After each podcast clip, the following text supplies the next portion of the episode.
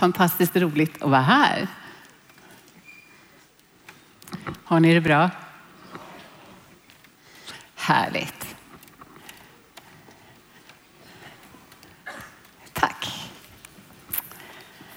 Det är jätteroligt att vara tillbaka på Nyhem. Det är alltid roligt att vara tillbaka på Nyhem, eller hur? Eh, vi ber tillsammans. Himmelske far, tack för att du är här. Tack för att varje morgon så möter du oss med ny nåd, Herre. Tack för att du är den som mättar vårt inre behov, Herre. Tala till oss genom ditt ord nu. I ditt namn Jesus. Amen. Temat för Nyhemsveckan det här året har väl inte undgått någon. Det handlar om Jesus. Och dagens tema är ju Jesus som säger ja är livets bröd. Eh, Jesus säger det här dagen efter att han har gett mat åt 5000 män, kvinnor och barn. Men folket ville se mera tecken. De ville egentligen göra honom till kung kanske, men Jesus svarar då, jag är livets bröd. Den som kommer till mig ska aldrig hungra och den som tror på mig ska aldrig någonsin törsta. Lite längre fram så säger han, jag är livets bröd. Era fäder åt mannat i öknen och de dog. Men brödet som kommer ner från himlen är sådant att den som äter av det ska inte dö. Jag är det levande brödet som har kommit ner från himlen. Den som äter av det brödet ska leva i evighet. Brödet jag ska ge är mitt kött. Jag ger det för att världen ska leva. Jesus han talar om en hunger som bara han kan tillfredsställa. Men vad handlar det här om då? Och hur påverkar det mitt liv och ditt liv här nu idag? Om Jesus är livets bröd, får det någon konsekvens i mitt och ditt liv? Det tror jag att det får. Eh, idag när jag, funderat, eller när jag funderade inför det här så, så har jag gått till Bibelns texter. Läst en del kommentarer, bett, lyssnat till en undervisning av John Ortberg som talar också om det här. Och, och när jag har hört och tänkt och bett över det här så tänker jag att det finns en underliggande, underliggande fråga här och det är vad är det som tillfredsställer behoven i mitt och ditt liv? Och hur påverkar det här oss? Det finns många sätt att leva sina liv på och beskriva det. Eh, vi skulle kunna använda våra händer för att beskriva hur man kan leva sina liv. Det första är att vi kan knyta våra händer riktigt hårt. Som om vi har något i handen som vi aldrig vill släppa. Vi ska hålla det kvar. Vi vill inte släppa det. Så kan du och jag göra med det vi har i våra liv, med våra saker och tillgångar. Det är ett sätt att leva våra liv på. Eller så kan vi göra så här. Det här är en öppen hand inför Gud. Då vi säger Jesus, du har gett allt, allt har du gett för mig. Bara du kan tillfredsställa mina behov. Du är livets bröd. Och allt det som kommer till mig i mitt liv, det vill jag hålla löst.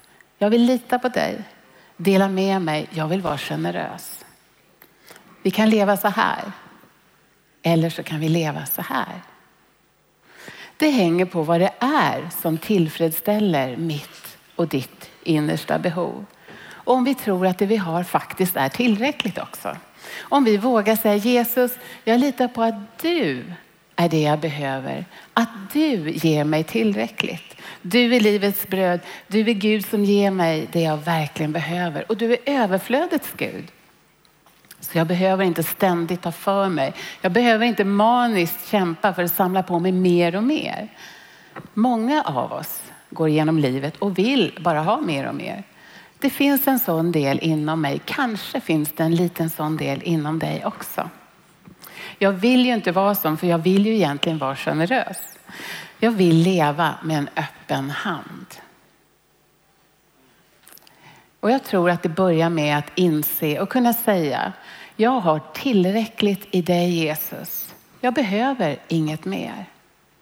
Har ni tänkt på att det faktiskt är farligt att inte kunna säga, nu är jag mätt, jag har fått tillräckligt, jag har nog, nu räcker det, jag är nöjd och mätt. Det stämmer för oss människor och det stämmer för andra varelser på vår jord också. Eh, själv var jag med om något liknande, lite läskigt så här för några år sedan. Ett av våra barn hade ett akvarium i sitt rum. Tim heter vår yngsta son. Han har tagit studenten nu så att det här var Tim då. Han är lite mer påklädd nu för tiden. Här sitter han i en balja. Men han hade ett akvarium på sitt rum.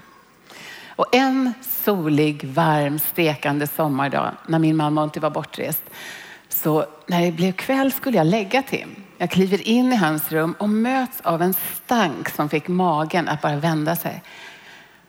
Han hade i all välmening tänkt göra sina guppyfiskar glada och hällt i hela fiskmatsburken i akvariet.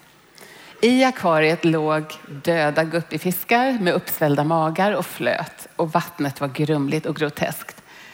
Dramatisk som jag är tänkte jag då att amen, han kommer dö om han ska sova i de här ångorna. Det är inte nyttigt för någon. Och då tänkte jag, hur gör jag nu? Jag kan inte lyfta akvariet. Jag måste lösa det här. Då kom jag på något. Det finns något som heter en sughävert. Vet ni vad det är? Man stoppar ner en slang i, i vad det är man ska tömma och sen så suger man till så här och så släpper man ut det i en hink. Jag tänkte, men kära någon, det här fixar jag. Hur svårt kan det vara? Ibland är det en farlig tanke. Men jag gick ner i tvättstugan, hämtade en hink, en slang, stoppar ner slangen i akvariet och gör så här. Och lyckas jättebra. Jag fick munnen full med fisk och vatten och blev så förvånad så jag bara sväljer alltihop. Ni förstår känslan. Så när jag hade mått tillräckligt illa och mina barn som såg det här också mått tillräckligt illa, då gjorde jag det alla mogna 40-åringar gör. Jag ringde mamma och så sa jag, och så sa jag kommer jag dö nu? Och hon ringde Vårdguiden och de sa att troligtvis inte. Och som ni ser det gick bra, men jag tänkte då, hade de där guppifiskarna förstått när det var nog, då hade de aldrig dött alltså. Och jag blev mätt på akvariefiskar för evigt. Vi har inte haft en enda fisk sedan dess, jag lovar. Men så är det ju. Vi blir ibland helt omättliga. Vi försöker mätta oss på alla olika möjliga sätt. Det är viktigt att förstå när man är mätt, när man har fått tillräckligt. Det gäller inte bara fiskar utan oss människor också. Eh, vid Stanford-universitetet har man faktiskt gjort en studie om det här. Eh, en forskare där ställde frågan till fransmännen i Paris. Eh, när är ni, när har ni ätit tillräckligt? Fransmännen svarade så här. När vi inte längre är hungriga, då har vi fått tillräckligt. Så ställer han samma fråga till några amerikaner i USA och USA är vår familjs andra hemland så att min familj är amerikaner så vi gillar amerikaner. Men han fick ett helt annat svar. Där sa man antingen när maten är slut, när min tallrik är tom eller när tv-programmet jag ser på är slut. Då har jag ätit tillräckligt. Och så gjorde man ett experiment och man gav människor soppa och hälften av skålarna de hade vanliga skålar, fylldes som vanligt. Den andra hälften fylldes på underifrån. Och det visade sig att de som hade skålar som fyllde på automatiskt, de åt dubbelt så mycket fast de inte var mer hungriga. Vi har svårt att inse när det är tillräckligt ibland. Svårt att inse när vi har det vi verkligen behöver. Det här kan ju stämma in på våra saker och tillgångar också tänker jag. När har vi nog? Vill jag leva med handen öppen eller vill jag leva med handen stängd? Jag tror att de flesta av oss vill vara generösa. Men jag tror att det finns en anledning till att det lätt blir så här. Jag tror inte att det är medvetet att vi väljer det. Men tänk så här, vi har alla det vi har. Vi har inkomster, vi har våra tillgångar. Men sen finns det ett belopp som vi skulle vilja ha. Ni vet, man tänker att om jag bara hade så mycket, om jag hade det där, då skulle jag vara nöjd. Och det här avståndet mellan det vi har och det vi önskar vi har kunde man kalla för den otillfredsställda zonen. För ofta tänker vi att just nu har jag inte tillräckligt, men jag skulle vara tillfreds om jag hade så mycket. Det som John D. Rockefeller en gång sa, han var en gång ansedd vara världens rikaste man. Han fick frågan, hur mycket pengar är nog? Lite mer var hans svar. Så vi tillbringar väldigt mycket av vår tid och våra liv med att jobba och arbeta längre hårdare. Och så tjänar vi mer och så höjer vi ribban och så fortsätter vi så. Och nog eller tillräckligt, det blir ord som bara är som en tanke som hela tiden glider oss ur händerna. Och så jagar vi på och gör mer för att få mer och äga mer. Många av oss går genom våra liv med tanken om jag bara hade lika mycket som den eller den, då skulle jag vara nöjd och lycklig. Och det här med att vara lycklig, det vill vi ju vara hela tiden. Det börjar när vi är pyttesmå. Eh, vet ni vilken plats på jorden som kallas den lyckligaste platsen på jorden? Det är Disneyland. Fantastiskt ställe tycker jag. Men jag måste säga att jag, vi möter sällan mer olyckliga människor än på Disneyland. För det är föräldrar som är arga och ilskna och så är det barn som gråter och skriker. Och någonstans är det ju för att föräldrarna har satsat så mycket pengar på att man ska vara så lycklig. Och sen orkar inte barnen och så blir alla besvikna. Men vi kan ju inte köpa lycka och tillfredsställelse. Vi tror det ibland. Men det finns bara en som kan mätta våra liv på djupet, på riktigt. Och det är Jesus, livets bröd. Och väljer vi att leva på ett annat sätt och säga jag vill leva ett annat sätt, på ett annat sätt, bli mer generös. Då kan det vara som att vi lämnar normen för hur vi borde vara och tänka. Man kan nästan förvänta sig att få frågan då, hur är det med dig? Är du okej? Okay? Är inte du ambitiös? Du kanske är lat. Det är inget fel med att vara ambitiös eller att ha gott ställt eller vara duktig på sitt arbete, men det är inte allt. Ett generöst liv, att välja det mättat av något annat, det är att verkligen våga gå emot kulturen i vårt samhälle. Och samtidigt är det den enda vägen till djup och sann glädje. Hur kan det se ut då? Jo, vi ska gå till en berättelse i Bibeln som jag tycker beskriver det här väldigt fint. Där vi möter en man som upplever vad det kan innebära att möta Jesus. Han som är tillräcklig. Han som mättar våra allra djupaste behov. Han som gett oss allt och som är livets bröd. Den här berättelsen handlar inte bara om den här mannen utan är en påminnelse om att Jesus idag vill möta dig och mig här och nu. Han genom, som är livets bröd och genom att vara det ger oss allt vi behöver så att vi kan leva ett generöst liv tillsammans med honom, för honom, med öppna händer. Jesus ger oss inte nödvändigtvis allt vi vill ha, men han ger oss det vi behöver och han har lovat att alltid vara med oss.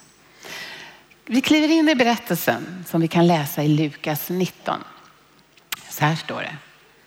Jesus kom in i Jeriko och gick genom staden. Där fanns en man som hette Sackaios och han hade hand om tullen och var rik. Redan här får vi veta en hel del om Sackaios. Det här var en man som kunde det här med pengar. Han var rik, han visste hur systemet fungerade. Man kan nog anta att han drevs av att tjäna pengar. På den här tiden var Israel ockuperat av Rom och romarna hade lärt sig att det smidigaste sättet att få en ockupation att fungera, det var att låta folket som bor där bo kvar i sitt land, men att sen ta ut rejäla tullar och skatter av folket. Och för att det skulle fungera så behövde man folk som kunde göra det här. Folk som kunde arbeta med att driva in pengarna från folket. Man behövde hitta drivna människor som visste var pengarna fanns och hur de skulle få folket att betala så mycket som möjligt till Rom. Och de här personerna var ju väldigt illa omtyckta eftersom de jobbade med romarna. Om du var rik och bodde i Israel, då kunde det hända att du hade sagt till Sackaios här, hörru Sackaios, du kan väl låta bli att rapportera hur mycket jag har, hur mycket tillgångar jag har. Och då kanske Sackaios svarade, ja, det kan jag väl, men det kommer kosta dig. Och sen behöver jag ju faktiskt ge något till Rom också. Så att vara Sackaios, arbeta med tullen, det gjorde att ingen gillade honom eller hans kollegor. Det var Sackaios liv. Han hade för länge sedan gett upp tanken på att ha vänner och goda relationer i stan. Och det gjorde honom ingenting, för han hade ju en massa pengar. Men med tiden började något skava inom honom. Han började hungra efter något helt annat kände sig tom på något vis. Och så hör han talas om en man, en rabbin, en lärare. Och konstigt nog så blir han nyfiken och intresserad. Han vill höra mer. I texten står det. Han ville gärna se vem denne Jesus var, men kunde inte för folkmassan, för han var liten till växten. Han sprang i förväg, klättrade upp i en sykomor för att kunna se honom eftersom han skulle gå förbi där. Och berättelsen är full av små detaljer som hjälper oss att förstå hur ovanligt och otippat det som händer verkligen är. För på den här tiden sprang ju inte män. Man hade mantlar på sig, det var ovärdigt. Och, och Sackaios, han var ju en mäktig man. Mäktiga män klättrar inte i träd. Det gör de sällan idag heller. Men det gör Sackaios. Man skulle vilja se det, eller hur? Men Sackaios gör det för han vill verkligen se Jesus. Så han klättrar upp i trädet. Kanske vill han gömma sig bland bladen och löven. Vi får veta att han är liten till växten, så upp i trädet klättrar han. Ibland kan det vara så att pengar får oss att känna oss stora och mäktiga. Ibland tror vi att pengar får andra att se på oss på ett nytt, coolare sätt. Som vi plötsligt är någon. Men jag tror att den här känslan är något som bleknar bort med tiden. För Sackaios hade det nog gjort det. För det räcker ju inte i längden att fylla våra liv med tillgångar. Men det händer något fantastiskt och otippat här. Sackaios sitter gömd uppe i trädet. Han är ju den illa omtyckte tullmannen. Ingen i stan gillar honom. Men han sitter där och tänker att han vill i alla fall se Jesus gå förbi. Och då, då händer det som ingen kunnat förvänta sig. Allra minst Sackaios. Det står, när Jesus kom dit såg han upp mot honom och sa, skynda dig ner Sackaios, idag ska jag gästa ditt hem. Sackaios trodde nog inte att det var sant. Va? Vem? Jag? Du? Mitt hem? Och jag kan nästan höra hur folket viskar till varandra. Du skämtar. Jesus ska hem till honom. Den här korrumperade mannen. När det finns så många fantastiska, fromma, goda människor i stan. Jesus, hur tänker du nu? Nu måste det ha blivit fel. Men som så ofta är det något fantastiskt som Jesus kommer med till Sackaios, till dig och till mig. Hur än din eller min ekonomiska situation eller historia ser ut. Vare sig du känner dig misslyckad, kanske gått i konkurs eller din ekonomi är kaos. Du kanske till och med varit oärlig. Hur det än ser ut så är det inget hinder för Jesus. För att han ska kunna komma till dig eller mig till vårt hus idag. För grejen med Jesus är att han älskar att komma med förlåtelse, nåd, räddning och upprättelse till den som öppnar sitt liv för honom och öppnar sig själv för honom. Och jag tänker mig att Sackaios först kanske tänker så här, men Jesus, du kan väl bara gå förbi mig. Han vill inte dra uppmärksamhet till sig. Så kila vidare är du snäll. Men Jesus säger, skynda dig ner. Och då står det, Sackaios skyndade sig ner och tog emot honom med glädje. Han hade nog svårt att tro att det är sant, tänker jag. Och hur tog folket i stan det som hände då? Jo, så här står det. Alla som såg det mumlade förargat. Han har tagit in hos en syndare.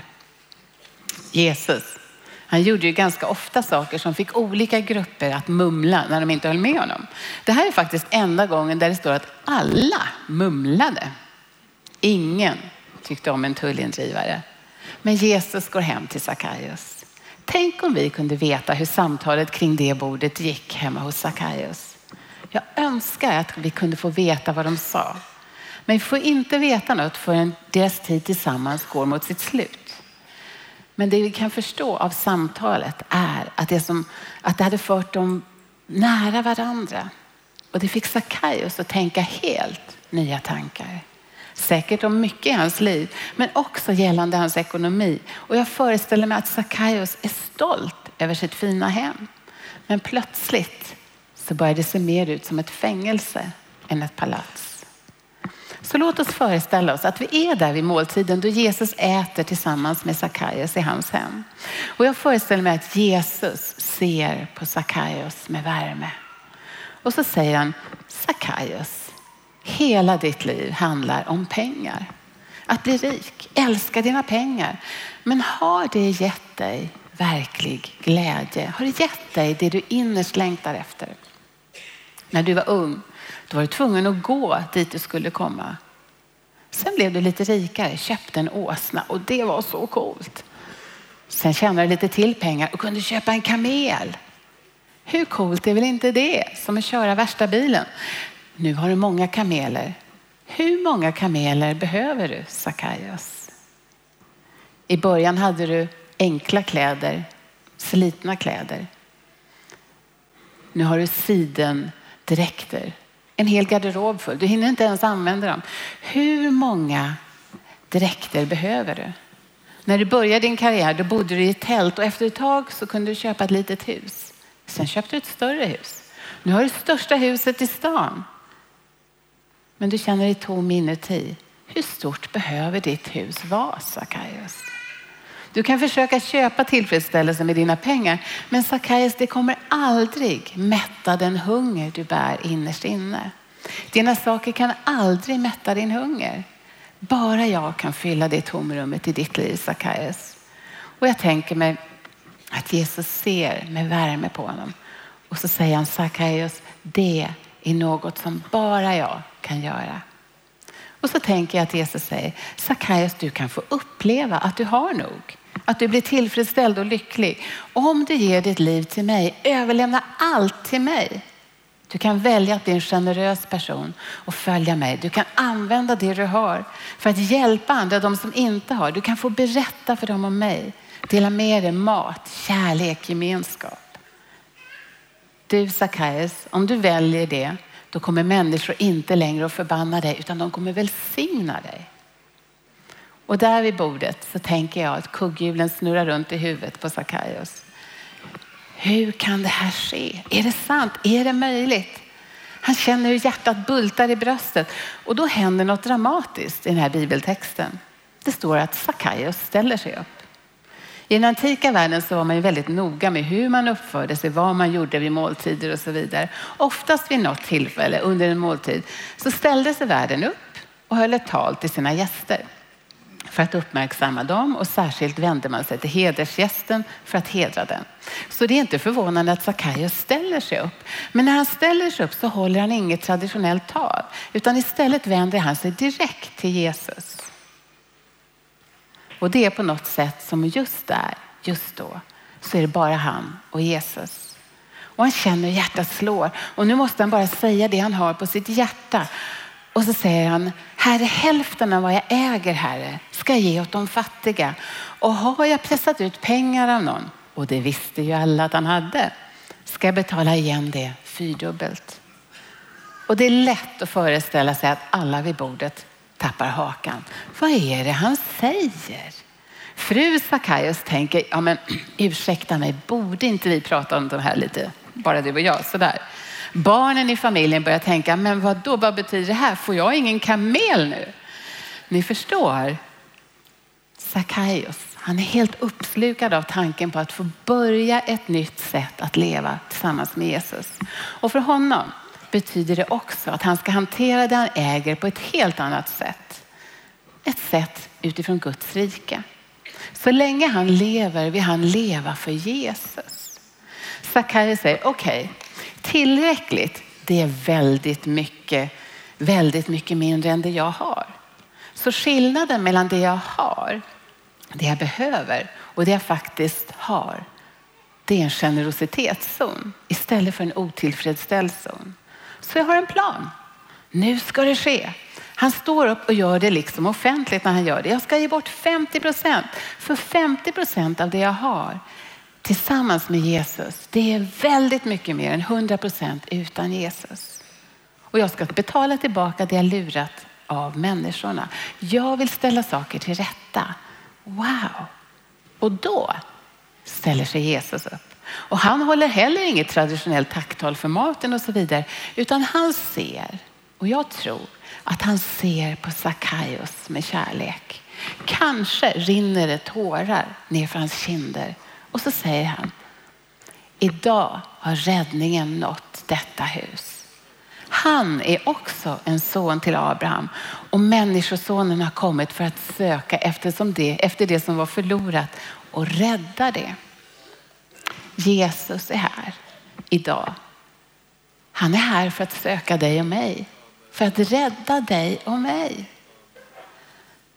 Att bli kallad en son till Abraham, det var det finaste man kunde bli kallad på den här tiden. Och jag tror att Sackaios, han hade blivit kallad både det ena och det andra, men antagligen inte son till Abraham. Men Jesus, han gör det. Tänk så kärleksfull vår Jesus är. Tänk att få sitta till bords med Jesus. Jesus säger idag har räddningen nått detta hus. Och Jesus menar inte att Sackaios har köpt sig in i himlen, för det kan ingen göra. Ett liv tillsammans med Jesus här och nu och ända in i evigheten. Räddning, förlåtelse från våra synder, befrielse och ett nytt liv.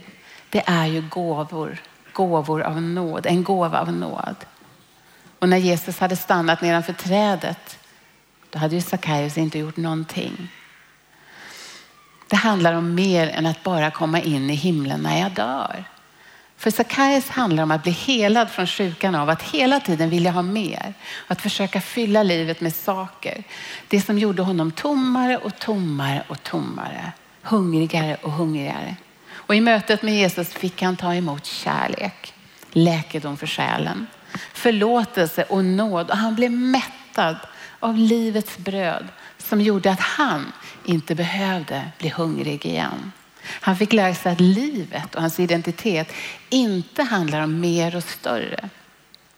Våra liv handlar ju inte om hur mycket vi har. Det spelar ingen roll om vi bor i stora eller små hus. Det handlar inte om det vi har.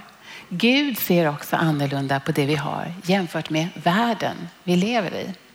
I Jesajas bok så står det så här. Om du räcker ditt bröd åt den hungrige och mättar den som lider nöd, om du gör det, då ska ljus bryta fram för dig i mörkret och din natt blir strålande dag.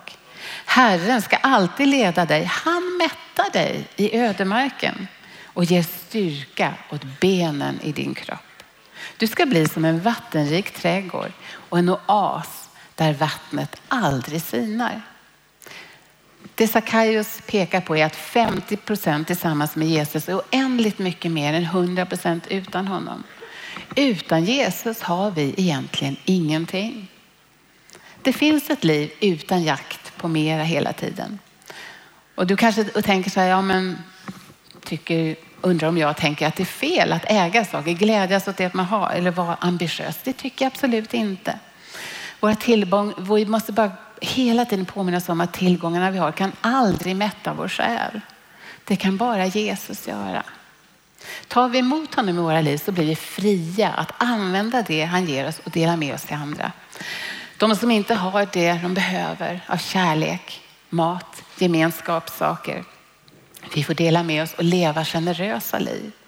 Jesus vill hjälpa oss med det idag och vi får dela med oss av vår tro.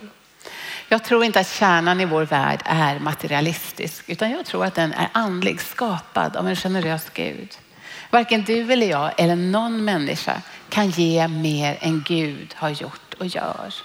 Jesus gav ju allt på korset för dig och mig. Han gav sitt liv för oss.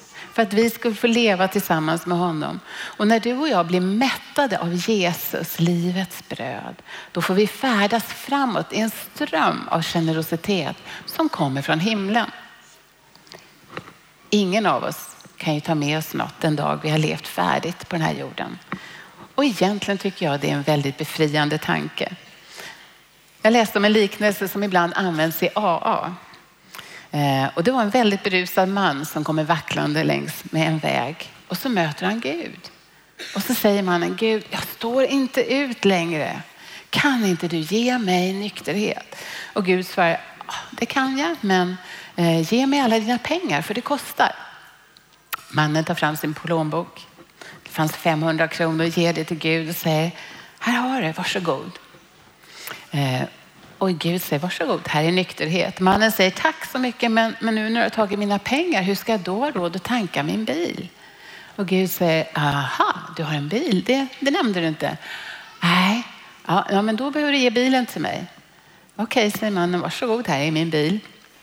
Eh, och då säger mannen, men, men Gud, nu när du har min bil, hur ska jag ta mig till jobbet då? Och då säger mannen, säger Gud, ja men har du ett jobb också? Då behöver du ge mig ditt jobb. Okej, okay, får, han får mannens jobb också. Eh, och då säger mannen, men hur ska jag nu kunna betala lånet på mitt hus? Och då säger Gud, ja men har du ett hus? Då behöver du ge mig ditt hus också. Mannen säger, okej, okay, du får mitt hus. Och så säger mannen, men hur ska jag nu ta hand om min familj? Och då säger Gud, så här är det. Om du ger mig allt du har, dina pengar, din bil, ditt jobb, ditt hus, då kommer jag alltid vara med dig och ta hand om dig. Och då kan du använda mina pengar, köra min bil, arbeta på mitt arbete och bo i mitt hus. För mina vänner, jorden är Herrens och allt den rymmer, världen och alla som bor i den. I Jesus har vi allt, utan honom ingenting. Du och jag får förvalta det vi har en kort tid. En dag går det vi har förvaltat tillbaka till honom. Om du och jag lever mättade på livets bröd i en relation tillsammans med Jesus, då är det så mycket bättre än om vi lever våra liv så här. Så min utmaning till mig själv och till dig idag, det är låt oss leva med öppna händer, i generositet dela med oss av det vi har fått ta emot av Herren till de människor vi möter i vår närhet, i Sverige och ute i världen. Människor som Herren älskar och som vi faktiskt kan hjälpa. Vem eller vad mättar hungern i ditt liv? Bara Jesus kan möta vår innersta hunger och mättade av honom får vi göra skillnad i vår värld. Han är livets bröd. I honom har vi allt vi behöver. Vi får ta emot honom i våra liv och sen komma med kärlek och leva generösa liv för honom. Gud är kärlek. Jesus är livets bröd. Vi får dela med oss. Vi ska om en liten stund få fira nattvard tillsammans här. Och då får vi verkligen stanna upp och påminna oss själva om att Jesus är livets bröd. Han gav sig själv för dig och mig så att vi ska få leva. Utmaningen idag från mig är alltså till dig, till dig och till mig själv är, och min bön faktiskt för mitt eget liv och för oss som kristna är att så länge vi lever och så länge våra hjärtan slår så får vi leva för Jesus med öppna händer mättade av Jesus och dela med oss av allt gott han välsignat oss med. Då kan vi med Herrens hjälp få vara med och se världen bli förvandlad. Tänk hur stort det är. Amen. Kära Jesus, tack Herre för att du är livets bröd.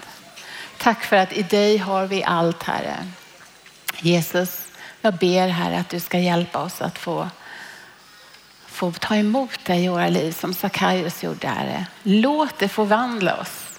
Herre, öppna våra hjärtan för dig Jesus så att vi kan få leva med öppna händer, Herre, generösa för dig Jesus. Och tillsammans med dig få göra skillnad i vår värld, Herre. Du som mättar vår hunger på ett sätt som ingen annan kan. I ditt namn Jesus. Amen.